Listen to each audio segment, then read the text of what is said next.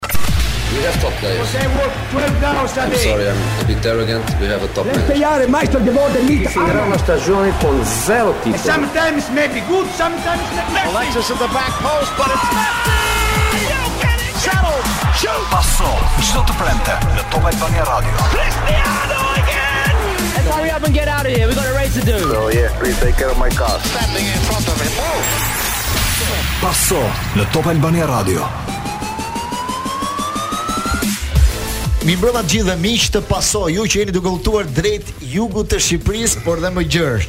Ju përshëndesim nga Top Albania Radio me Edi Manushin. Mirëmbrëma Glen Albani, drejtori i Pasos. Ylli Aga. Përshëndetje. Lorenci Emini. Mirëmbrëma drejtor Glen Albani. Sot do jetë një ditë shumë e rëndësishme sepse kemi shumë tema për diskutuar. Merkato është Merkato është në fazën e vet më të nxehtë, ka një lëvizje të jashtëzakonshme lojtarësh në këtë periudhë, do t'i do t'i diskutojmë sot me ftuarit tanë, por kemi edhe shumë tema nga vendi pasi ekipet e kategorisë superiore po bëhen gati për ndeshjet e Europës, kanë bërë disa ndeshje miqësore Gjatë këtyre ditëve Ylli Aga ka ndjekur njërën prej tyre, Tirana Ballkani, ë, dje. Po. Në Ohër. Në Ohër. Do na thuash më tepër edhe çfarë ndodh me skuadrat e tjera dhe si po përgatiten ata për ndeshjet eliminatore që do të luhen pas 10 ditësh. Do flasim gjithashtu për ë të drejtën televizive të kampionatit shqiptar, e cila i është hequr kompanisë që kishte vitin e kaluar Oversport dhe do shohim se çfarë do ndodh gjatë kësaj vere. Do flasim gjithashtu për ë merkaton në Shqipëri, merkaton në Europë që është shumë e rëndësishme, shumë e rëndësishme, pasi sot ka patur shumë lëvizje të rëndësishme, por edhe për temën tonë të përjavshme 3 minuta histori që bëjmë ne çdo javë dhe Edi Manushi ka kërkuar të flasim pak për historinë se si skuadra e Fiorentinës kërkoi Ylli Shehun në vitin 88. të shohim disa materiale që kemi mbledhur gjatë kësaj periudhe për të hedhur dritë në këtë ngjarje. Si duket ty Ilon, fal fal drejtor. Për basketbollin dhe shumë gjëra të tjera. Kjo 3 minuta histori si duket? Është një goditje e autorit tonë dhe drejtorit Glen Albani? Unë jam shok klasë me je i lashtë Manush. po jo, kjo e afrohet asaj, e afrohet asaj. Kjo e shehë të ka dëgjuar unë s'e di fare, fare kjo. Është është shumë e rëndësishme dhe shumë e vërtetë. Ne kemi mbledhur disa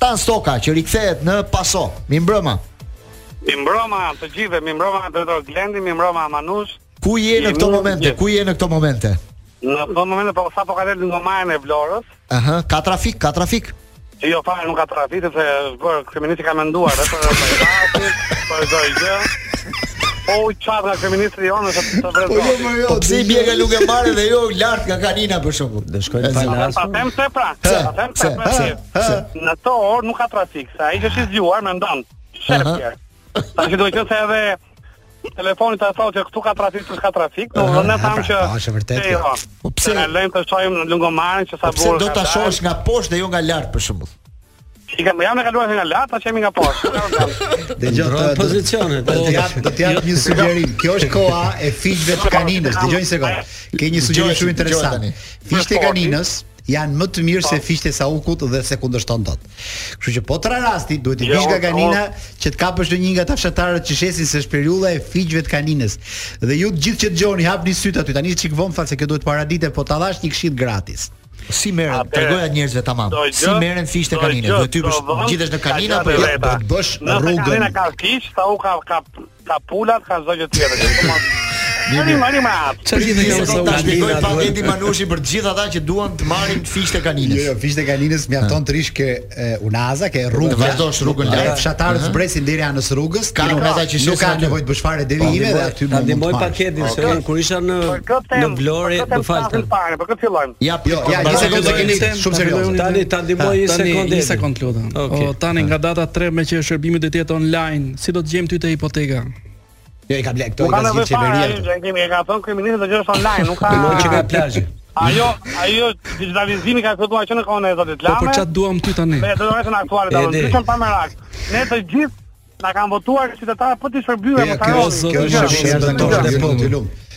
A jemi një, po. Një korrigjim të vogël dashamirës sepse Lutem. në Kanin ai që përveç fiqve, ai që duhet të shkojë, unë vija vjet me biçikletë, kisha marrë me vete biçikletën. Mm -hmm. Dhe duhet të shkosh se shikon dhe kalan e Kaninës, Ani, dhe që është po, një kryevepër. Po, po, po, gjithë drejtësi. Dhe po të ngjitesh lart, po duhet të devijosh, po ja vlen të devijosh sepse është një super pamje. Është një kalaja shumë e bukur edhe pastaj fiqtë aty ke edhe më lirë se sa në. Kjo është sa në autostradë. Edhe kurse diçka.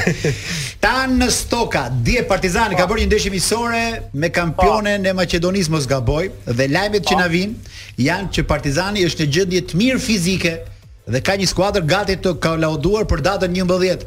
Madje drejtori Olsi Rama dje në një takim që patëm me të na tha që kjo BATE Borisov nuk është ajo e dikurshme. Nuk është ai nivel që mund të trembet Partizani. Çfarë opinioni keni Tan Stoka?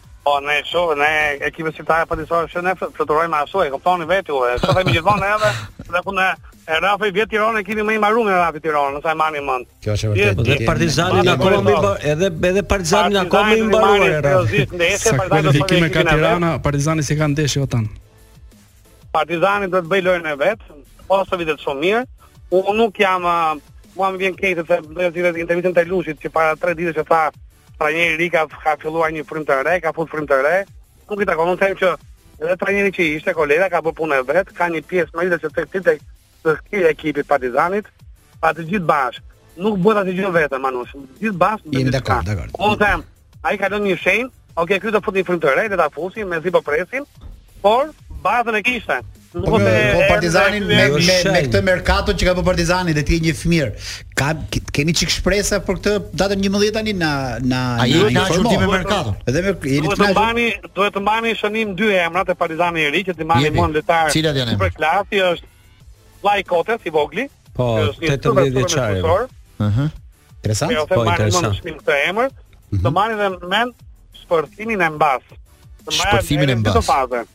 Nga grezda zësh. Ai akoma nuk e marrin mend të gjithë gjykuan që Mba-ja s'bën e ku e kanë gjetur.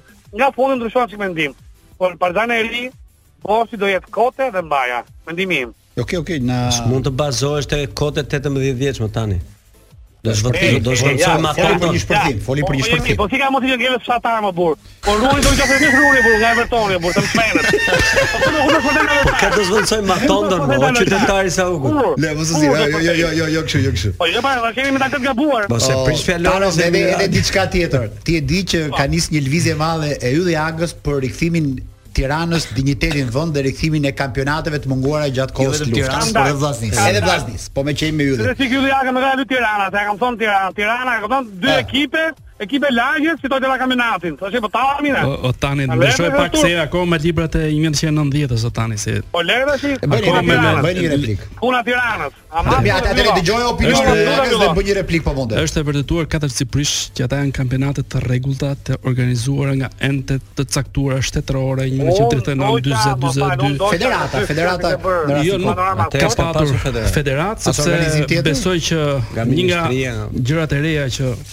dalin në në publik është që Federata Shqiptare e Futbollit voluminoze në është studio. e themeluar po, në vitin në Melody TV, shumë po, mund të shohim jemi live edhe në Melody TV. 1962 është themeluar Federata Shqiptare e Futbollit për kundrejt gjithë asaj që ne dimë deri tani.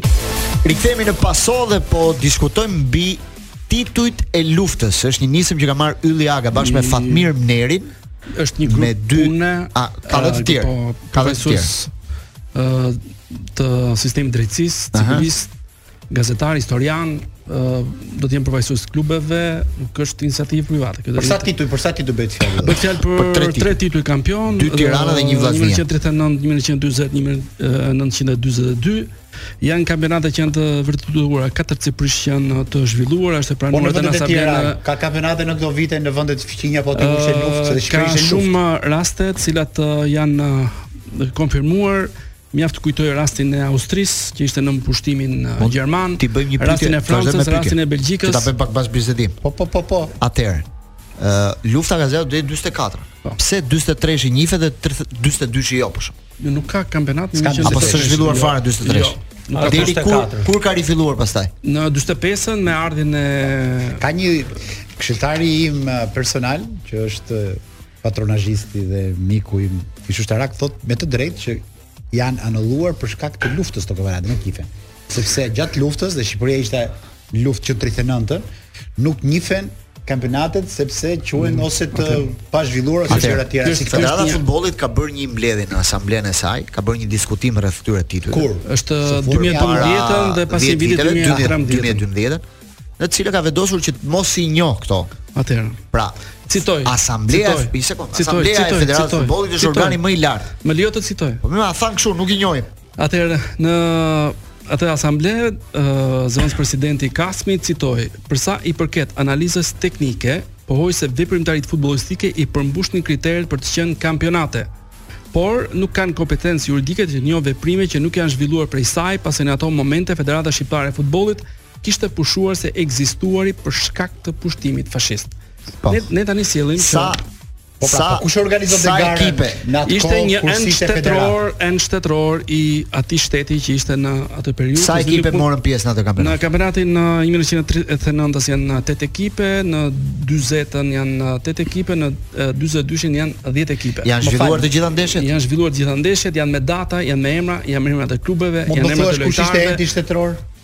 Kjo ishte një ent i i deleguar nga një ministri e kulturës e rinisë mund të gjejë emrin e ministrit që se ka qenë, ishte edhe kur dërguar te Zogu nga Shqipëria se këtu s'ishte ishte koha e qeverisë kuislinge e qeverisë kuislinge patjetër pa po.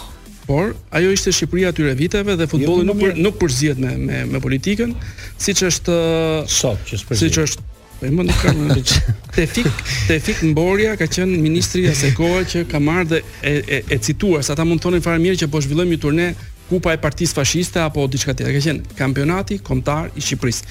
Ë shkrimtari, ë gazetari më i njohur, ë Besnik Dizdari e ka të të përmbledhur në në një libër dedikuar për këtë periudhë me shkrime të vazhdueshme. Çfarë opinioni ka Dizdari?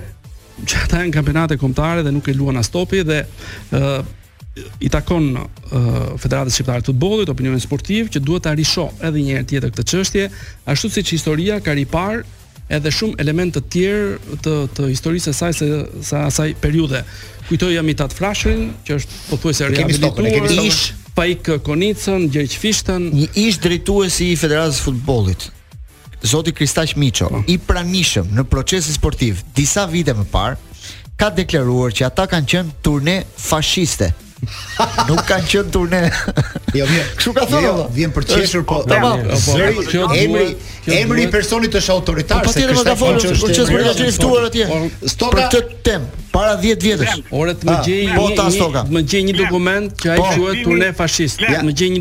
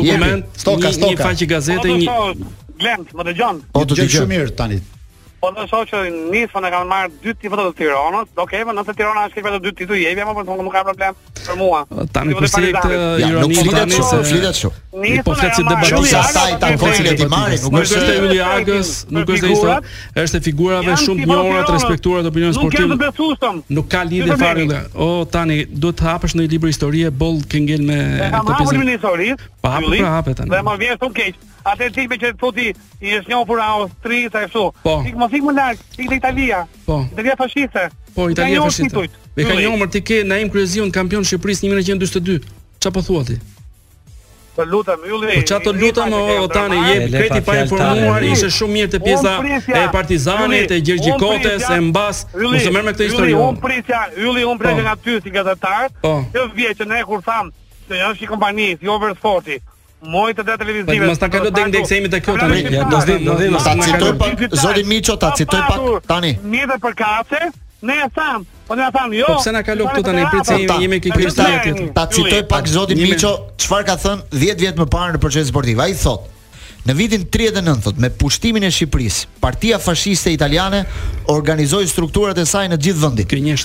U krijuan dy organizata rinie, Rinia fashiste shqiptare dhe dhe veprimtaria pas pune. E para thotë u mor me aktivitete cilësore kombëtare, ndërsa e dyta me ato masive, që ishin shëtitje turistike dhe aktivitete kulturore. Në vitin 39 thotë ata organizuan një aktivitet që u quajt Turneu Kombëtar i Futbollit. Kurrë s'ka qenë ashtu. Ata nuk morën përsipër të thoshin që po krijonin Ligën Sportive Shqiptare. Po ky aktivitet thotë kishte vetëm 3 ndeshje, dhe kështu që fitoi Tirana, por nuk ishte një kampionat i mirëfilltë apo një ligë mbarë kombëtare. Kjo ndodhi brenda një muaji dhe e njëjta gjë u përsërit në vitin 40 thotë. Në këtë vit ndryshimi i vetëm ishte se nuk pati sistem eliminimi, por vajtje ardhje dhe përfundoi për një muaj e gjysmë. Po të bazuar pa bazuar në në askund. Po që ndonjë fakt i tre skuadrave, ça nuk është, ça nuk ça nuk qëndron. Atëherë ka qenë kampionat kombëtar shumë i formuar. Edhe nisma jote, nuk besoj që është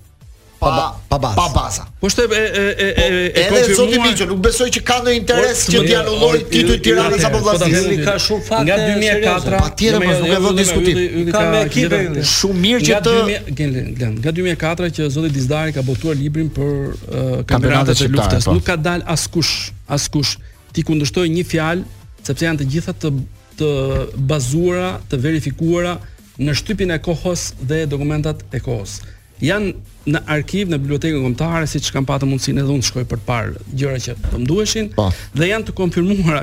Aty marrin pjesë të njëjtat klube që kanë luajtur në kampionatin 1937-s. Janë të njëjtat klube që kanë luajtur në 1945-ën. Është shumica e lojtarëve që kanë dalë kampion 37, 39, 42-shin, 45. Dakord, pra e kuptova. 1939, një sekond. 1939 kampion me Tiranë kanë dalë dy emra të jashtëzakonshëm, Riza Lushta, Naim Kryeziu.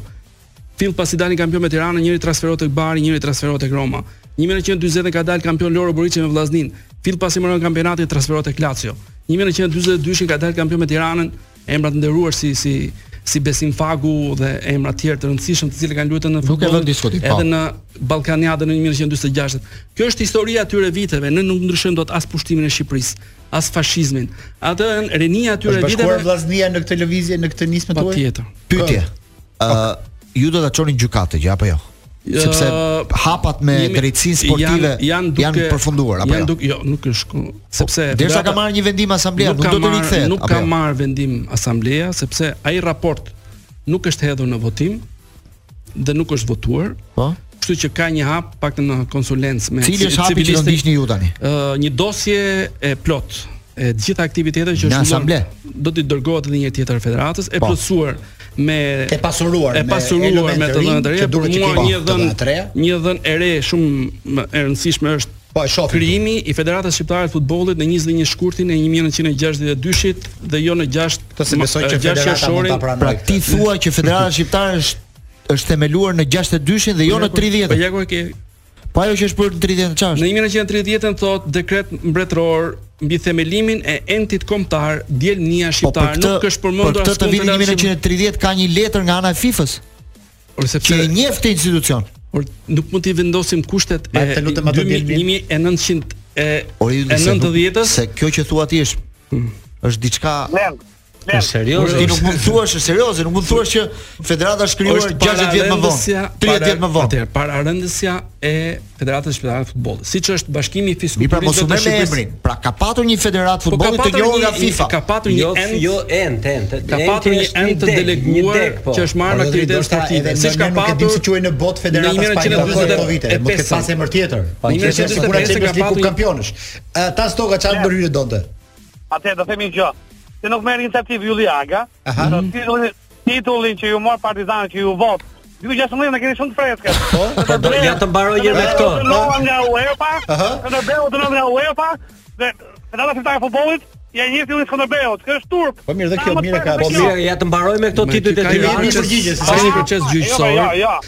Federata Shqiptare e Futbollit. Ka drejtë këtë ditë gjithë. Ka drejtë këto ka, se kjo është e freskët e këtë ditë gjithë. Çoje te CAS. Tani se ne s'ka nevojë për dokumentacion. Se siç tha Glendi në fillim, drejtor Glendi, janë shumë njerëz që na dëgjojnë rrugëve për bregdet.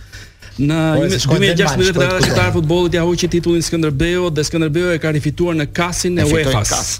Pra janë konsumuar rrugët ligjore.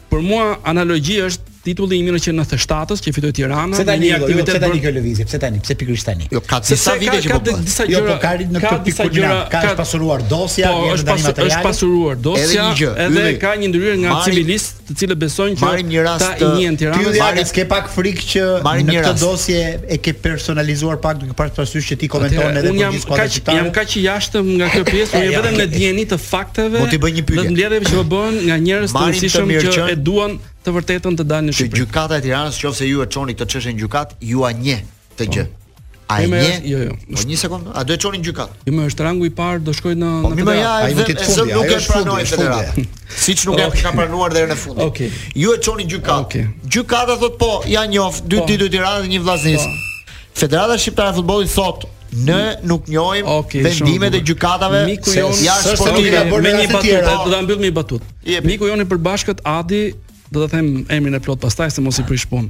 Fitoi një proces gjyqësor për një pronë të rëndësishme në zonën e Prespës dhe shkon bashkë me trashëgimtarët atje me vendimet e gjykatave, me hartat, me të gjitha u rrethua nga fshatarët e zonës Edhe i thanë ata, ne kemi marrë vendim mos i njohim ish-pronarët.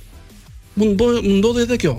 Ço çfarë përmim po Shqipëria atë. Po pse edhe këtu s'do ishte çudi fare. Apo jo nuk nuk e mendoj këtë. Ta sona këtë falenderoj për lidhjen që e meritojnë Tirana dhe Vllaznia siç e ka merituar Rapidi i Vjenës, siç e meriton Roma në Itali, siç e meritojnë tre kampionë në të njëjtin vit në Francë në tre edicione të ndryshme. Po nuk është Greqi ka pas?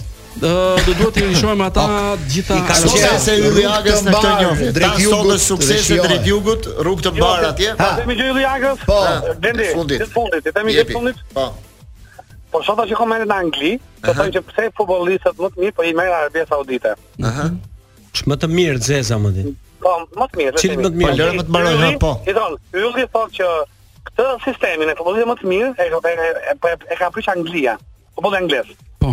Me të gjithë futbollistët, po që futbollit anglez i vjen inat, që pse po i merr Arabia Saudite. Po. Sa komendi ka Julia ka për të pjesë. Rikthehemi me Madonna dhe Material Girl. E mori veten shyqyr Madonna në orët e fundit, ka dalë nga spitali, duket sikur është kaluar kjo situata e vështirë që kishte me infeksionin që e kishte kapur dhe detyroi të shtynte të gjithë eh, turin e saj të koncerteve. Eh, Po diskutonim pak për titujt e luftës, po tani do ndërrojmë pak temë. Do do kalojmë pak edhe tek e drejta televizive e kampionatit shqiptar. Diskutonim pak dhe me Ylli Aga Manushin dhe me Lorenc Emini, Federata e futbollit njoftoi këtë javë që ka ndërprerë uh, marrëveshjen e saj kontratën që kishte me kompaninë Oversport për të transmetuar këtë kampionat për 3 vite. për shkak se kompania nuk i ka plotësuar kërkesat e saj financiare, por edhe për sa i përket cilësisë së transmetimit të të kampionatit, kështu që me shumë mundësi gjatë këtyre ditëve do të ketë një rihapje të të ankandit ose më mirë të shitjes së saj, ritenderimit të të shitjes së këtij kampionati në treg. Ylli, aga për për çfarë lexova në njoftimin që bëri Federata Shqiptare e Futbollit, kishte shumë pak kënaqësi për mënyrën se si ishte mbuluar ky event. Ti ke qenë një nga iniciatorët e transmetimit të kampionatit shqiptar në Digitalb prej shumë vitesh. E ke ndjekur nga afër këtë proces të proces deri në pikën ku Digitalbi e çoi në momentin e fundit, ku nuk arriti dot që të Ta rifitonte. Ta rifitonte pra në tenderin që u bë vitin e kaluar dhe pastaj kaloi shoqërisë Oversport, që e cila nuk arriti dot që të që të ndërkohë Lëgja, e mbajmë këtë temë sepse kemi në linjë zotin Avni Ponari. Shkëputemi pak për pjesën ka jetë përtej futbollit dhe rikthehemi flasim për këtë temë. Zoti Ponari, mirë mbrëma, përshëndetje. Mirë mbrëma, përshëndetje. Si është kjo, si ju gjen kjo fundjava këtë Të periudhë. Temperaturat e ah, larta dhe basketbolli. Do të thoja që basketbolli tashmë është në fazë shumë të rëndësishme përgatitore, ato që thamë edhe javën e kaluar janë gjashtë ekipe kombëtare të cilat do të garojnë me ekipet europiane dhe një nga aktivitetet u 18-a do të jetë në Shqipëri, pra është një aktivitet Mjaft i rëndësishëm që organizohet në territorin tonë ashtu siç është organizuar edhe dy tre vitet e fundit. Dhe kemi qenë një nga vendet që ka bërë që është ka marrë edhe medalje për organizimin më të mirë të aktiviteteve europiane në kuadrin e FIBA Europe. Ekipet e tjera po përgatiten, sot është bërë seleksionimi i U16-ës, Djem, vajza, lojtarë të rinj kanë ardhur nga Europa. I kemi krijuar mundësinë që ata të jenë pjesë e ekipeve kombëtare pasi dëshirat e tyre për të qenë pjesë e ekipeve tona kombëtare është shumë e madhe, kanë ardhur nga Greqia, nga Italia, nga Shtetet e Bashkuara të Amerikës, nga Holanda, Pra kemi një numër mjaft të madh. Po kjo është interesante, kjo është interesante. Ajo që është më e rëndësishme është që dhe vetë familjarët e, e basketbollistëve duan që fëmijët e tyre të jenë pjesë e ekipeve kombëtare, por ajo që do të thoja është shumë e rëndësishme. Përpiquni që të për prindërit, mm -hmm. do mhm. thoja që të mhm. përpiqen gjatë gjithë vitit që të bëjnë stërvitje. Nuk mund të marr, nuk mund të konsiderohesh lojtar i mirë në qoftë se luan thjesht në telefon. me aplikacionet e basketbollit po duhet të jesh në fushë, duhet të bësh shumë stërvitje, shumë stërvitje që të bëhesh basketbollist i mirë. Vetëm me stërvitje mund të arrijmë që të kemi një të ardhme në basketbollin kombëtar. Na na e bëre shumë të saktë ndërhyrjen zoti Ponari se dhe ne kemi pas influenca nga prindër duke njohur afërsinë që kemi me Federatën e Basketbollit për të ndërhyrë, kështu që ishte një ndërhyrje e jashtëzakonshme dhe këshilla më e duhur për prindrit. Po, sepse në të vërtetë federata nuk ka asnjë lloj interesi që të dërgojë lojtarë të dobët ose të të lojtarë dobët ne duam që të dërgojmë më të mirë në mënyrë që të krijojmë sepse këto ekipe kombëtare të sotme ai ai 16 vjeçari i sotëm është 22 vjeçari, 23 vjeçari i ekipit kombëtar nesër. Kështu që ne përpiqemi që të gjejmë ata lojtarë të cilët janë vërtet në perspektivë. Por që të bësh lojtar duhet stërvitje dhe vetëm stërvitje. Zoti Ponari, na jep pak ato këshillat e përjavshme që ne ato ah. që kanë të bëjnë me temperaturat e larta, ku ta kemi vëmendjen këtë periudhë. Është pak e veçantë, pak interesante dhe është shumë e rëndësishme për për ne qytetarë shqiptarë. Hmm. Sot në botë pas pandemisë dhe pas këtyre ngjarjeve që kanë ndodhur, shfaqjet e rrezikut të tumorit dhe kancerëve të ndryshëm është bërë më evidente.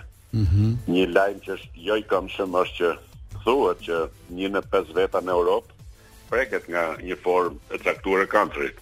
Dhe ajo që është e çuditshme në Britaninë e Madhe një në dy. Kështu që sigurimi ndaj këtyre dy ë sigurimi ndaj kancerit apo tumoreve është shumë i rëndësishëm. Ne si grup, Sigal Uniqa bashkë me Uniqën në gjithë Europën kemi një produkt që është i veçantë për ata për për për të qenë i përgatitur në rast se do goditesh nga këtë lloj sëmundjesh. Kostot e tij nuk janë të mëdha, janë rreth 150, 100, 150 euro në vit, çka mbulojnë të gjitha shpenzimet në rast se konstatohet një sëmundje, në rast se konstatohet i prekur nga një sëmundje e tillë. Unë do të thoja që njerëzit duhet duhet ta marrin këtë produkt. Sot në vendet e Komunitetit Europian dhe në Britaninë e Madhe dhe në Shtetet e Bashkuara të Amerikës, ë nuk mund të mendohet që dikush mund të mos e ketë këtë lloj produkti dhe këtë lloj mbrojtje. Ka një moshë të këshillueshme zoti Ponari, ka një moshë të këshillueshme?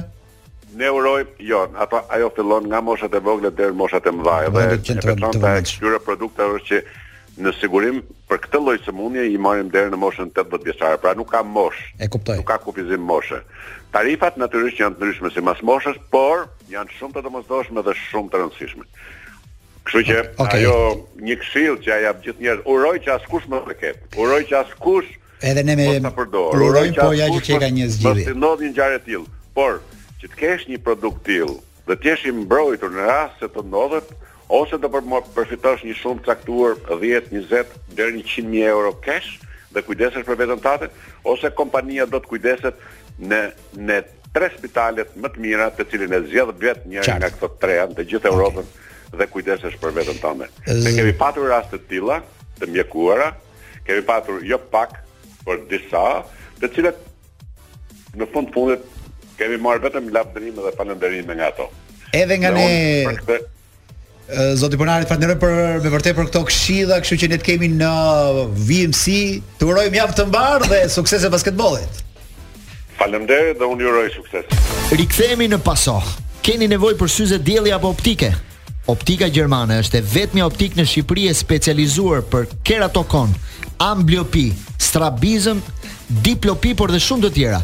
Këto e afron vetëm optika gjermane me xhama gjerman të cilësisë së lartë të markës Rodenstock, e cila plotëson çdo kërkesë tuaj. Mund ta gjeni online në Instagram në faqen German Optik ose të vizitoni optikën përballë Crystal Center. Optika gjermane See Better look perfect. Që do thot në shqip mund të shohësh shumë mirë, por dhe dukesh dhe bukur. Dhe aty janë i plotëson të gjitha. Syzet e diellit për sezonin janë perfekte ke German Optic. Po diskutonim pak më parë me Ylli Agën në lidhje me të drejtën e transmetimit të kampionatit shqiptar, e cila për një vit i kaloi kompanisë Oversport, federata më pas vendosi që të ndërpresë marrëdhënien me ta, ka bërë një njoftim të gjatë Federata e Futbollit Ylli Aga në lidhje me cilësinë e transmetimit, por dhe Pagesat të cilat kanë munguar që prej janarit të këtij viti kompania nuk paguan pra për klubet shqiptare, kështu që ka vendosur ta ndërpresë këtë kontratë dhe ta ritenderojë të drejtën e transmetimit të kampionatit shqiptar. Ti që ke qenë pjesë e e Digitalbit dhe transmetimit të kampionatit shqiptar prej shumë kohësh, Si e ke parë këtë këtë histori? Çfarë do ndodhi gjatë verës? Është rast i fozë pres. Nënvizojmë që nga 2009 Federata Shqiptare e Futbollit aplikoi shitjen e centralizuar të drejtës televizive duke hequr mundësinë që platforma apo televizionet mund të operojnë në në mënyrë të drejtpërdrejtë me klube. Me klube, po. Me klube, po siç funksionon pak a shumë gjithë bota. Dhe nga 2009 deri në 2022 sigurisht që ka patur një proces zhvillimor për sa i takon krijimit të kushteve sa më të mira për çështjet e transmetimit, promovimit dhe të gjithë reklamimit të futbollit tonë, bashkëngjitur së fundmi edhe krijimit kushteve për pjesën e varit. Ka qenë një një proces shumë ë i lodhshëm, impenjativ me me me kosto të të të mëdha financiare, megjithatë arritëm të vendosim disa standarde që edhe kampionati ynë minimalisht ishte ndër më të promovuar. Vitin e fundit ranë këto standarde? Ëh, uh, sigurisht që kjo mbetet për të vlerësuar nga ana e Federatës Shqiptare të Futbollit. Ka vlerësuar, ka vlerësuar, po pjesa e kontratës dhe respektimit të saj sigurisht që është një gjë ekskluzive dhe e ndërmjet të kam parë në rrjetet sociale Ylli Aga një lum komentesh pozitive të federatës për vendimin që ka marrë federata e futbollit si këtë herë nuk është lavdruar kurrë Federata e Futbollit për një nisëm që ka marrë për një veprimtari të vetën. Si këtë radhë nuk kam parë komente më kaq kaq shumë pozitive. Po besoj që pjesa më e madhe ka qenë për pjesën e vizibilitetit të kampionatit që ka qenë në numra më të pakët krahasuar me uh, shikueshmërinë që gëzonte deri një vit më parë. Edhe një gjë, po do të pyesja, ti je njeriu që merresh me kampionatin shqiptar në Digitalb. Se çfarë do ndodhë gjatë kësaj vere ne nuk e dimë se si do ecin ngjarjet. Në rast se Digitalbi e rimerr prap të drejtën, çfarë do kemi në gusht? Do kemi një shpërthim, një një gjë të jashtëzakonshme? Po, çfarë do ndodhë? Besoj që Digitalbi nuk ka lënë vend për Je gati ti për ta rimarrë përsëri? Në në në çdo moment besoj që është një investim i jetës time.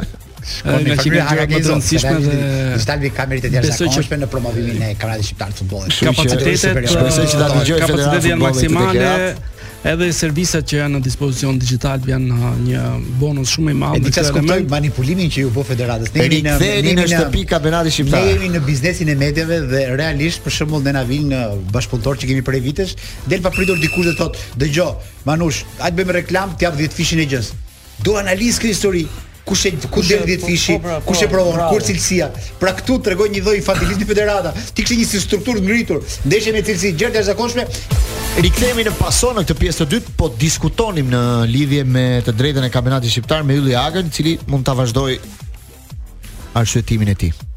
Ë uh, e lamë në pikën e një ritenderimi dhe mundësia që uh, Digitalb sigurisht do të mund të përfshihet si sërish, sërish po. ashtu siç mund të ketë edhe platforma të tjera apo edhe te televizionet e tjera.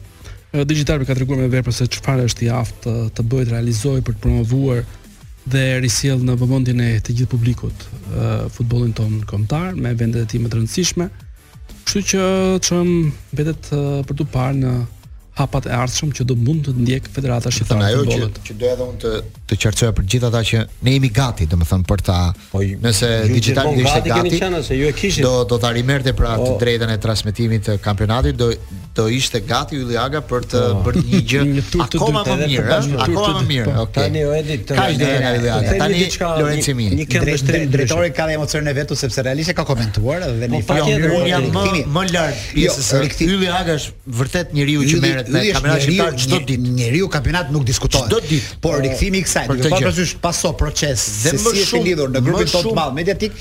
Më shumë se e ka ndier ai mungesën këtë vit, nuk e ka ndier asnjeri jo, për ne. Dhe një gjë është e vërtetë për të thënë. Dhe më shumë se është përmirësuar ai në këtë pikë duke mbajtur shënime për ta përmirësuar dhe më tepër nuk ka asnjë tjetër. Ashtë. Por një gjë do doja të insistoja. Dhe këtu, domethënë do mund të biem pak në kurthin e inmodestisë, po u arrit një lloj niveli në ekranin shqiptar që u kalua limiti. Unë di që Digitalbi shpenzonte tmerrësisht për kampionatin shqiptar. Madje ndonjëherë nuk ishte po, nuk ishte nuk ishte logjikë biznesi, por i bëri një shërbim të madh për shumë vite. Është ndjekur kampionati shqiptar nga shqiptarët jashtë masivisht. Duke u rritur ky nivel, unë habitem se si një organizatë siç është kjo federatë që është shumë e zgjuar në biznes, bën gjëra të çuditshme për pak më shumë tendera, leka, oferta po nuk e di pa ditur kush e sjell kush e bazuar çfarë teknike ka çfarë teknologjie ka e di ti që janë ndier pasojat dhe në VAR ato vizat e po, famshme që ne thoshim janë pak edhe për shkak të ndonjë mungese kamera ka theksuar federata jo po neve kemi ndier po. neve neve jemi përplas me publikun në Procesi Sportiv që janë vizat thon. Ja kjo është historia. Madje kishte nga ata që i ankoheshin Yllagës për vizat po, akoma. Tani për ta parë. S'ka faj Yllaga ça t'bëj. Po edhe unë ky vizat vetë. Edhe unë ky do ankohesh se inercia është do disa vite. Për ta parë po. pak më ndryshe se sa kjo. Tani mua kur e dëgjova që do ta ndryshojnë nuk u habita fare. Sepse mua më duken këto këto ndryshime të kështu, ke kontratë tre vjeçare prishet, çudira shqiptare, nuk të bën përshtypje fare. Unë më shumë habita vjet kur ia hoqën Supersportit dhe u bë u hoq një javë para kampionatit. Jo, mbaroi kontrata me si mund të tani para është kontrata. Çdo kontratë ka një afat. Tani un po flas, ju jini të saktë do të flas. Unë jam publik, unë jam publik. Po të sqaroj më. Vetëm sqarim baba i ka. Po dakor, më dëgjoj, un jam publik. Po. Un nuk mund të pranoj dot që babai im mos ta shikoj dot kampionatin shqiptar, sepse i kam bler 3 dekodera në shtëpi. I shtova dhe një katër. Apo nuk mund të shkoj kjo tani. Okej. Okay. Marrim një kampionat këtë vit e çojmë atje, pastaj këtë tjetrin e çojmë atje. Jam i sigurt që këtë vit do i shohë gjithë. Një sekondë, një sekondë. Ti ti ri ke dekoderi një dhe mos iu nda atij se do të kthehet, a ka ke zotin e caktuar. Po më e di. Do vuaj çik babaj, po do të kthehet. Tani, dhe kjo është e vërtet kjo që në gjithë botën ndodh kjo Lorenc. Dhe dhe një diçka tjetër më ka bërë shumë përshtypje edhe mua këtë radhë, po nga ana e kundërt që deklarata që ka dhënë federata ishte shumë e plotë këtë radhë. Deklarata që jep ajo kompania tjetër dy rreshta. Po çat thot? Çat thot? Mirë, ta, ta dëgjojmë një herë se ata tani do dalim në një deklaratë. Ka 5 ditë, s'ka po, fol fare. Kjo më habit tani se si ku ku qëndron e vërteta, se ne shumë pak të vërteta dimë, se ato jo, akoma ne dimë një të vërtetë. Ne dimë një të vërtetë që themi. Cënuar, cilësia. Cilësia. Kemi pas probleme ke Mos korrektësi me me me pagesën. Kjo këtë e di federata. Unë di kishte nuk e di, këtë jo, e din ata. Kishte edhe një dy rreshta të tjera, edhe që ato janë akoma më më specifik që thoshte është cënuar dhe integriteti i garës se janë pak specifike këto gjëra. Këtë s'e kuptoj. që duhet të ruajë. Çfarë do thotë kjo? Ja ta shpjegoj unë çfarë do thotë. Që edhe transmetuesi kur jep, duhet të ruaj edhe integritetin e garës, mos të kap ofendimet, sharjet, ë, i ka të gjitha në kontratë. Edhe kjo ishte futur. Unë i lexoj me vëmendje, Blendi mendon se unë si publik jam kështu publik, po nuk është kështu Blendi. Jam shumë më publik ti nuk ishe këtu. Po, po, jo, unë publik. Dua që ti ta shohësh mirë. Për këtë pjesë jam publik, për pjesën tjetër që më ka vitin tjetër. Imagjino Lorenc se vijmë dhe jemi në momentin Iute të dashur miq, veten tënde një herë të vetme lojtar rezerv. Ti kurrë s'ke qen, por imagjinoje. Tashmë nëse nëse ti shkarkon aplikacionin MyIute, mund të aplikosh falas për limitin e shpenzimit. Kjo është gjë shumë interesante. Ta përdorësh vetëm nëse të duhet, por çdo gjë që të duhet, si një lojtar gjithmonë rezervë në xhepin tënd. Besoj të mjafton dhe kjo. Ta përdor atë Iuten se do bëj një çati druri tani. Po kujdes limitin e shpenzimeve. Dhe vend drurësh Iute. Çati druri, ëh. E shoh, po zgjerohet ky Emiri, po zgjerohet. Pyetje tjetër për Ylli Agën, për sa i përket kampionatit shqiptar që ta mbyllim këtë situatë. Sa e çe, Bekaj ka, ka është optimizëm. Sa? Bekaj është prezantuar në Turqi me skuadrën e tij të re. Si u fal Bekaj? Pse s'u fal akoma? Le ta pyes Ylli Agën. Ke parë një vendim ti që e ke lexuar? ishte i lirë të firmoste me një skuadër tjetër deri 6 muaj përpara përfundimit të kontratës dhe marrëveshja me klubin turk ka qenë e disa kohëve përpara se po. t'arrihej finalizimi i marrëveshjes. Sigurisht që mbeten gjëra për t'u qartësuar, te pjesa e dënimit që është dhënë dhe ndikimin që ka. A është bërë aktiv... si është procedura tani e e komisioneve të federatës. Pra, bëhet një herë vendimi i komisionit disiplinës. Pastaj çfarë apel, do? Shkon apel. Apeli është bër? Jo. Me sa di ti është? Me sa di unë jo. Nuk është bërë akoma. Po kush e fali?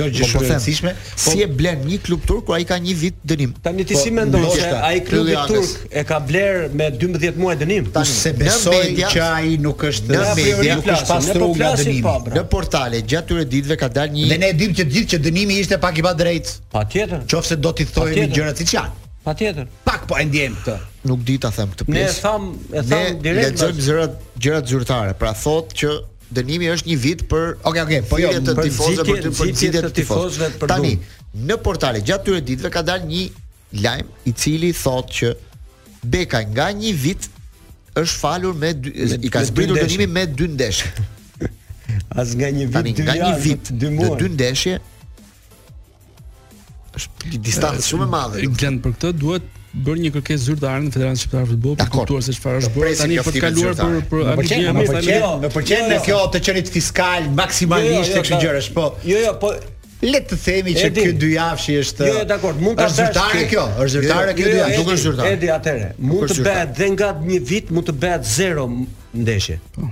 Zero. Dalin video të reja, prova të reja. Po, mund të dalin. Problemi nuk është ky, problemi qëndron që pse nuk del. Komisioni duhet me një vendim zyrtar, nuk e gjen asikund. Ky është problemi më. Sepse këtu ça do, do kalojë, pse dhe un jam i bindur që Po mos duhet ta bëjmë këtë kërkesë që thot Aga. Po pse pse ta bëjmë, ja, kush ta bëjmë? Fundin para se të shkojmë në publicitet. Vera është një kush periudhë të... faljesh. Po pse? faljesh po. Vitin e kaluar u dënuan disa skuadra për trukime, di Ylli Aga. Kategori 2, a Ylli? Kategori 3. Kategori 3. u dënuan në maj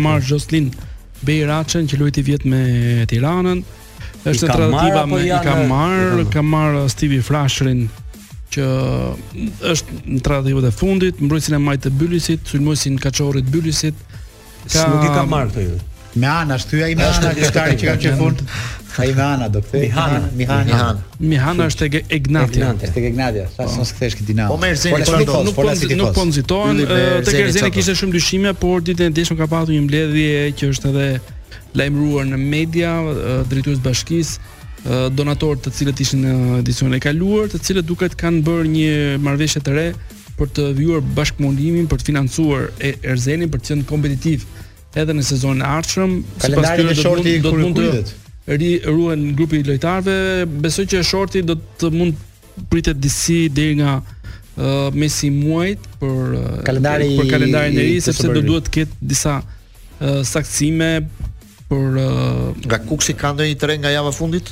Për momentin janë duke bër prova me lojtarë. Kishte një blerje të fundit apo jo? Kishte një blerje të parë apo jo? Një afrim? Janë nga katër lojtarë të cilët ishin në kontratë në sezonin e kaluar. Ata që ishin lojtarë të cilët u aktivizuan, por megjithatë është një situatë vërtet uh, problematike për një klub që pak në 10 vite. Ku mund të luajë Dinamo? Dinamo gjysmat e ndeshjeve do t'i luajë në Air Albania. Gjysmat. Gjysmat e ndeshjeve në raport stadiumin e Kamzës? Jo nuk ka dhe pjesa tjetër besoj në Elbasan Arena. Kurse Tirana totalisht në Air Albania. Tirana në Air Albania, Partizani në stadiumin e tij, derbit do të luhen këtu, Shumë je përgatitur seriozisht ti. Shumë kompetent të shoh. Mos kanë mos mos edhe koncertet nga dimri. Po ja, kishte gjë apo të kalojmë tek bota. Jo, këto, këto, këto sa për isha dje pashë ndeshjen Ballkani Tirana. Tirana. Uh mhm. -huh. Dhe çfarë forme ishte Tirana? Shumë të mirë, humbi 3 me 1. jo vetëm për lojë, Tirana kishte vetëm gjysmat e lojtarëve të cilët ishin në edicionin e kaluar. U aktivizua Selmani, u aktivizua Doka, u aktivizua Obanor që është ende në provë. Gledi Mici luajti, Liridon Latifi luajti, Kajna luajti. Megjithatë Tirana më duk ndoshta edhe për shkak se ka fituar pak me vonesë përgatitjet në funksion të garave europiane, disi më prapa me me Ballkanin që është një skuadër shumë e konsoliduar dhe nëse do të kishim edhe një të tillë kampionat mbarëshqiptar, me siguri Ballkani do të ishte pretendenti kryesor. Ka, ka shanse ta kemi një kampionat mbarëshqiptar, ka shanse. Po përderisa kemi bërë një vendos këtë datë, po vendos këtë datë se kujt. Përderisa e kemi bërë në 1942-shin. Mhm. Mm mund ta bëjmë. Cili vit? 1942. Cilat skuadra kishim nga Kosova? Ka marrë pjesë uh, Prishtina, ka marrë pjesë uh, Prizreni dhe Peja. Kanë qenë çar kampionate. Për shembull mund të fillonte me një kupë siç është Liga Ballkanike e basketbollit, është një është një lojë ne ne e, mund të kishim kështu limitacione nga UEFA për të bërë një kampionat të tillë apo është një vendimmarrje e federatave respektive për ta bërë. Jam kurioz. Do çonim më pak skuadra në Europë, nëse do ndodhte kështu. Tani çojmë. S'na intereson. Tani janë tetë mund të bëhet siç është Uelsi me Anglinë, që po, është Uelsi është intereson të kemi një kampionat dhe të jetë më i fortë. për mendimin tim. S'u intereson dy shteteve. Po s'na intereson edhe kaq se tani nxjerrim tetë ekipe, do luajmë katër. Po le të luajnë katër, po janë më të forta dhe kalojnë më shumë turne. Ç'i do tetë skuadra që ty të digjen që në korrik edhe ti je në plazh s'ke marrë vesh çka ka ndodhur. Në këtë muaj do të jenë 11 klube. 11 klube shqiptare, të cilat do të luajnë në Kupën e Evropës. Shqiptarët janë vendi që përfaqësohen me ekipet e Maqedonisë. Po, po janë Shkëndija, po. Shkupi dhe Struga, po, gjithë ekipe. Kush do të bëjë shqiptare? Këtë vit Ylli Aga. Kush kush kë gjejmë në shtator? Ballkani do thotë. Jo, Ballkani ka për mua short të, të pakalueshëm Ludogorec në po, në turin e parë të, të Champions League-s. Po, mos thuaj pakalueshëm, mos thuaj pakalueshëm. Të fortë, të tmerrshëm. Paska po mos është një klub me buxhet 40 milionë euro, shumë i fortë që pa, në kufijtë e pamundurës. Megjithatë, mund të bëjë të njëjtin rrugëtim si edhe edhe në edicionin e kaluar, sepse ekipet kampione favorizohen në garat e UEFA Conference League, duke luajtur vetëm me ekipe që eliminohen nga Champions League, janë ekipe kampione dhe në raundin e dytë Ballkani do të luajë me kampionen hipotetikisht të Irlandës së Veriut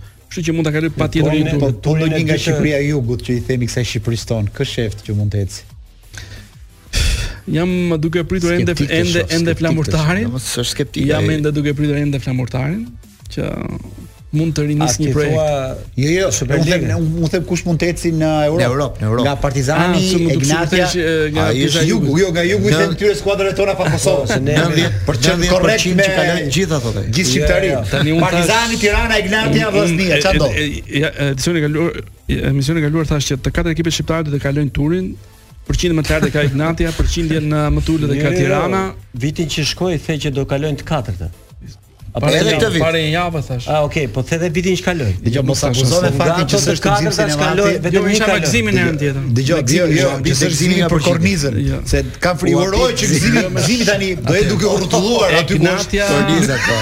Egnatia me një ekip armen do ta kalojë. Partizani ka shansin e jetës me vendin e tretë të Bjellorusisë, aktualisht vendi 6 në kampionat Bate. Unë them që më shumë në gjithë Vllaznia luan me Linfieldin e Irlandës Veriut, për mua më e penalizuar është Tirana që luan me Dinamo Batumi. Dhe Tirana është skuadra që është më në presion për ta kaluar, sepse ka bërë një lëvizje shumë të madhe.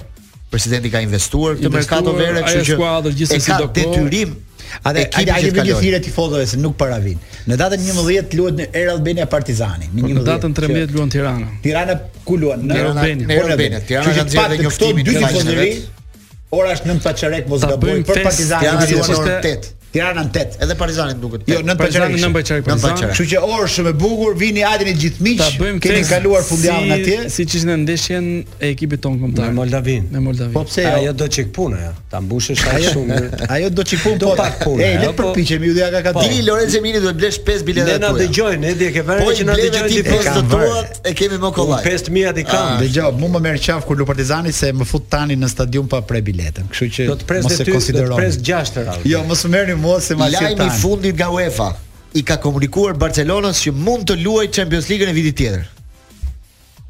Kaq pra, Barcelona kishte dyshime atë. U qetësua që do marri pjesë sezonin tjetër në Champions League. Është lajmi i fundit në mediat spanjolle. Edhe UEFA glet ja kishte varur UEFA i komunikon Barcelonës si, që, që mund të luajë. Këtu të hapet një komision disiplinor Shiko, për një. Çështja e atij ish arbitrit që merrte pagesat nga Barcelona. Negredo.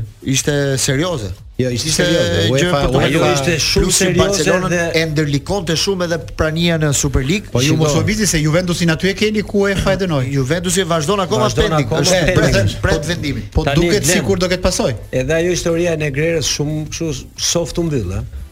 Se të diskutohet tani që ka marrë, ka përfituar 10-12 milionë euro në gjithë këto vite Dhe akoma jo ja kanë dhënë që janë të gjitha pagesa zyrtare. Zyrtare. Dhe merren me arbitrat tanë. Dhe merren me arbitrat tanë apo ku di gjë unë, dëgjojmë historira, kështu që ajo u mbyll shumë but ajo. Në ishte në një ekip tjetër. Kishte një skuadër si Osasuna që është bërë një skandal shumë i madh po. për shitjen e ndeshjes. Edhe dhe ato që ka dëgjuar drejtori dhe unë në komentet sportive atje, ndonjëherë ato dëgjova dhe unë ato të rrëqeth nga gjërat që themi këtu.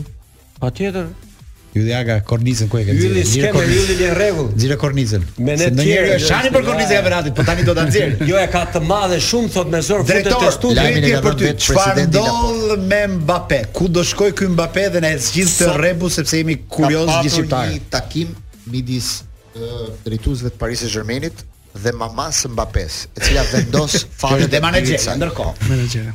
Dhe ajo thonë që është njeriu që nuk e ka lënë të shkojë tek Reali i Madridit vitin e kaluar. Ajo ka qenë pengesa që ai të shkojë tek Reali i Madridit. Këtë vit situata është pak a shumë e qartë që ai ka bërë një letër ku thotë nuk do ta rinovoj kontratën që mbaron vitin tjetër, po do luaj dhe këtë vit te Paris Saint-Germaini.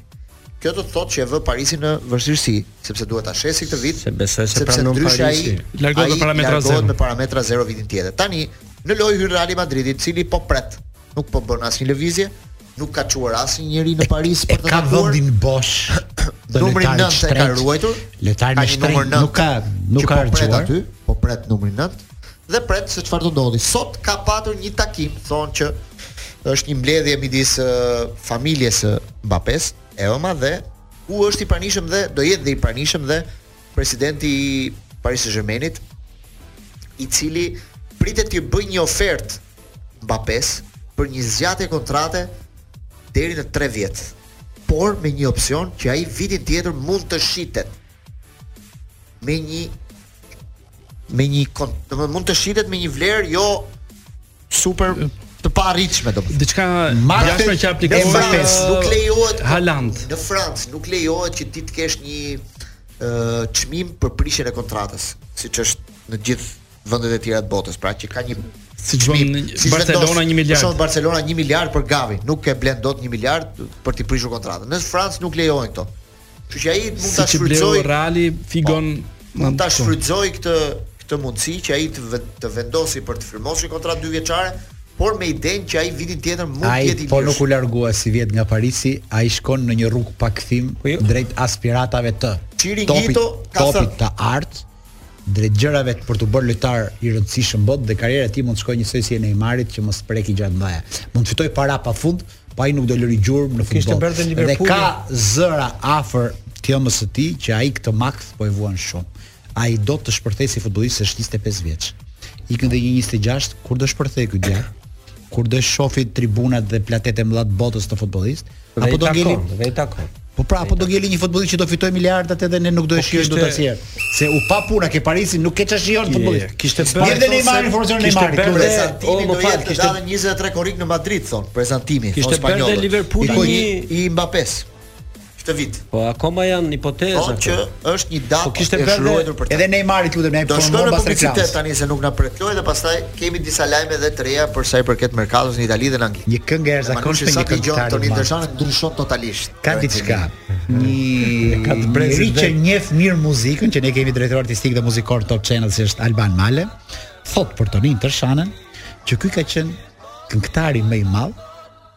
i atyre viteve, kohës komunizmit. E thënë nga Albani, që vetë është tip kritiku për gjërat, por ama e njef me themeli muzikën, vlen shumë kjo për Tonin Tërshanën. Falemderit Kloj që ne sot dhe sot Tonin Tërshanën me Lule limoni. Keq që gjithë ai talent jetoi në, në atë periudhë, që nuk mund ta shijonte klasin e tij për oh, e ke gabim, përfituar. E ke gabim këtë, sepse ai ka lënë aq shumë gjurmë, Saqë për ne, ka lënë gjurmë për ne, po ai për vete nuk përfitoi. Në atë kohë ai ishte rregull ishte me bërë. Sot me një koncert në Albania, më ah, po, nuk kanë ndryshuar këto histori botërore tani. Edhe edhe, edhe Mina aq fitonte në atë kohë. Po ajo që ka fituar është dashuria e publikut që është e jashtëzakonshme. S'ka çmim. Jo që është para.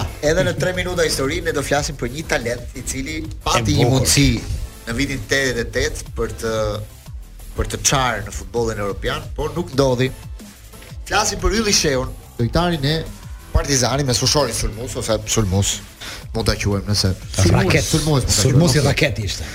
I cili në karrierën e tij ka bërë 10 ndeshje me Kombëtaren. Por në këto 10 ndeshje, në njërën prej tyre ka bërë një gol. Shqipëri Suedi. Vetëm një gol me Kombëtaren në 10 ndeshje. Po ai gol mund t'i ndryshonte fatin e jetës së tij.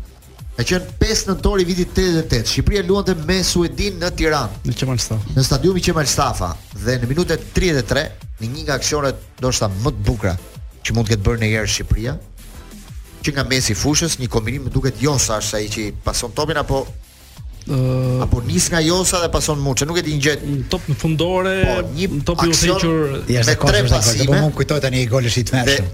Tamam Mark Michel. Niset nga mesi i fushës, shkon deri afër zonës së 16-sës, aty i bën një ndërhyrje dhe një suedez reziston dhe pastaj godet dhe shënon.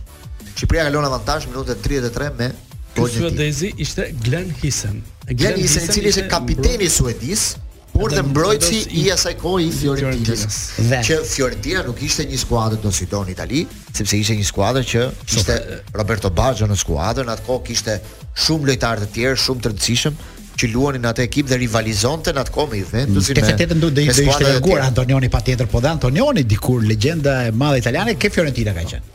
Në atë ndeshje, formacioni suedez kishte edhe dy lojtarë të tjerë që luanin në Itali, që ishin lojtarë të Atalantës. Njëri ishte Robert Prytz, tjetri ishte Stromberg. Mm, dhe për këtë arsye, italianët kishin organizuar një avion charter që ata t'i merrnin direkt mbas ndeshjes për t'i çuar në Itali sepse kishin ndeshjet e kampionatit, sepse ishte periudhë kampionati. Mes kampionatit.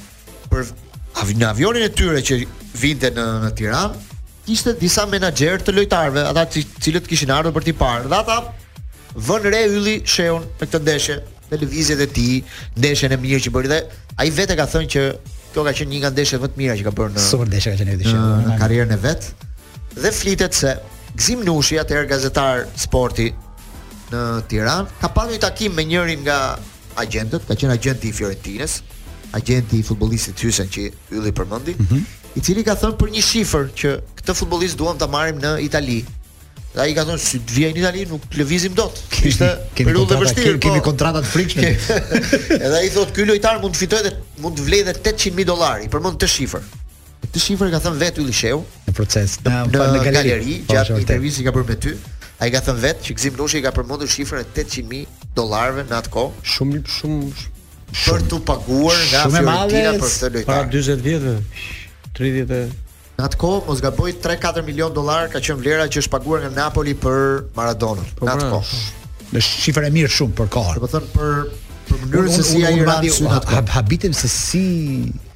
Ai regjim nuk e pa si biznes këtë të futbollistëve jashtë. Po jo, sepse jo, në arkat e shtetit mund të vinin shumë atë prishte. I prishte balancën. Problemi është që se di, po të ishin çik të zgjuar si mund të.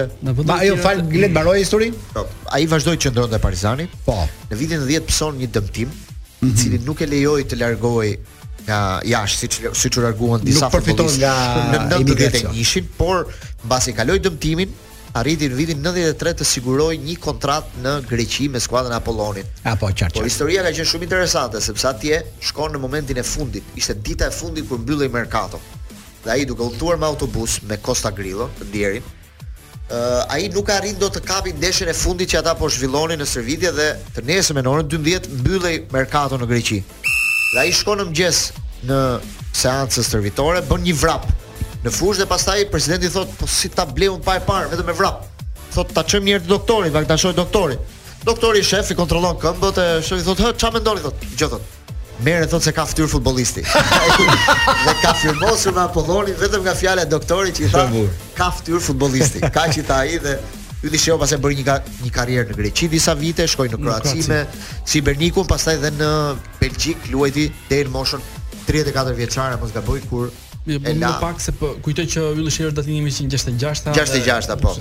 Jemi në 5 minutat e fundit dhe japim disa informacione mbi merkaton. Sot marrëveshja e Brozovic për të kaluar në Arabinë Saudite ka ndalur. Është pezulluar në momentin e fundit kur lojtari kishte arritur një marrëveshje me klubin e Al Nassr për 100 milionë euro në 3 vjet, do merrte një kontratë të jashtëzakonshme.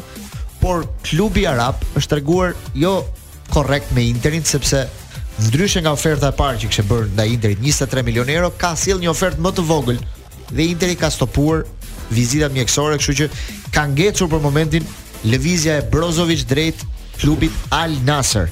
Ndërkohë, në 24 orë Arsenali ka bërë një investim prej 200 milionë eurosh, 200 milionë sterlina më saktë. ka bler dy lojtar, Havertz dhe oh, Declan Rice nga skuadra e West Hamit. Dhe mesfusha e Arsenalit këtë vit do jetë Havertz, Odegaard dhe Declan Rice. Do jetë një mesfushë kampione, Ylli për kampion. Këna që gëzim si në madhi, se gëzim nuk do... Xhaka nuk është, Xhaka është larguar. Nuk e do shumë liritë. Declan Rice vlerësohet si absolutisht nga mesfushorët më të mirë të Premier Ligës, lojtar stabël i ekipit kombëtar anglez, një lojtar me një moshë uh, të re, 24 vjeç do të jetë. Ishte lojtar në merkato, do ishte lojtar në merkato, Manchester City ishte kërkesa po. se ishte interesuar për të. Manchester United ofroi lojtar dhe dhe para për të, pa po ai duke dëshiruar të qëndronte në në Londër, ka zgjedhur Arsenalin, Arsenali rivalizoi Manchester City në edicionin e kaluar, City mbetet gjithmonë skuadra për t'u mposhtur, por besoj që Arsenali është më i fortë se në edicionin e kaluar, Kujtoj që edhe edhe edhe dëmtimet e penalizuan në në fundin e edicionit të të, të kaluar, kështu që do të mund të shohim një rivalitet shumë të ashpër në këtë sezon. Merkato mbrojtësish ka qenë këto ditë. Kim Jae, nga Napoli shkon te Bayern Munich me 58 milionë euro, një super investim i Bayern Munich me këtë lojtar korean të Shumë i fortë. Napoli, për mbrojtjen e Napolit, ai që luante krah Rrahmanit. Pau Torres i Villarrealit, një nga mbrojtësit më të mirë të Spanjës. Shkon drejt Aston Villës, firmos me Aston Villën. Lucas Hernandez shkon te Paris Saint-Germain, nga Bayern te Paris Saint-Germain, sot ka firmosur edhe po. Skriniar, mbrojtësi i Interit, i cili ishte me kontratë lirë, ka firmosur dhe është prezantuar me Paris Saint-Germainin. Javën e ardhshme prezantohet Luis Enrique tek Paris Saint-Germaini. Çfarë do bëj ky atje me këtë jam kurioz. Ta provoj dhe ky si të tjerët. Po, Liverpooli po. pas blerjes së McAllister pritet që këtë javë të firmos edhe me Dominik Szoboszlai, një nga talentet e futbollit hungarez. Një shifër prej 70 milion eurosh. Pritet këtë javë të firmos. Ë uh, Mason Mount do jetë lojtar i Manchester United. Zyrtarizohet. Zyrtarizohet 55 milionë pound. E jashtëzakonshme e Manchester United nga Chelsea, ai kishte vetëm një kërkesë, do shkonte vetëm aty, nuk donte asnjë skuadër tjetër, ose iki tek Manchesteri ose qëndroj edhe një vit Kur? për t'u larguar pastaj pa para. Që me 10 gusht fillon anglezja? Java e dytë, java e parë është i konfirmuar Superkupa. Szoboszlai është i konfirmuar lojtar i Liverpoolit vetëm para pak minutash. Është një shifër prej 70 milion sterlinash. E jashtëzakonshme me një kontrat 4 vjeçare. Liverpool. Man Manchester City, uh, Arsenal, Po, ka një Liverpool do jetë aty. Ka një lojtar i cili po trondit Newcastle shkon i frikshëm Newcastle. Ka një lojtar që po trondit Europën, që quhet Arda Güler. Është lojtar 18 vjeçar turk, luan me Fenerbahçe. Güler. Sot Barcelona ka çuar Dekon në Stamboll, do qëndroj atje gjithë fundjavën për ta bindur lojtarin të firmosë për Barcelonën, por jo për këtë vit. Këtë vit do t'i siguroj kontratën. dhe vitin tjetër mund të afrohet në Barcelonë. Duket si gjë e mbyllur. Kemi çunat, e jemi drejt fundit. Merre me long. Do kemi çunat e Merre me long. Merre me long. Mos e merr me long. Miri tani do vi bashk me ne, do jetë bashk me Gentin sot, do jetë Genti apo jo? Ë? Është duke u vesh. Është duke u vesh. Si përgatitet ai për të bërë emisionin?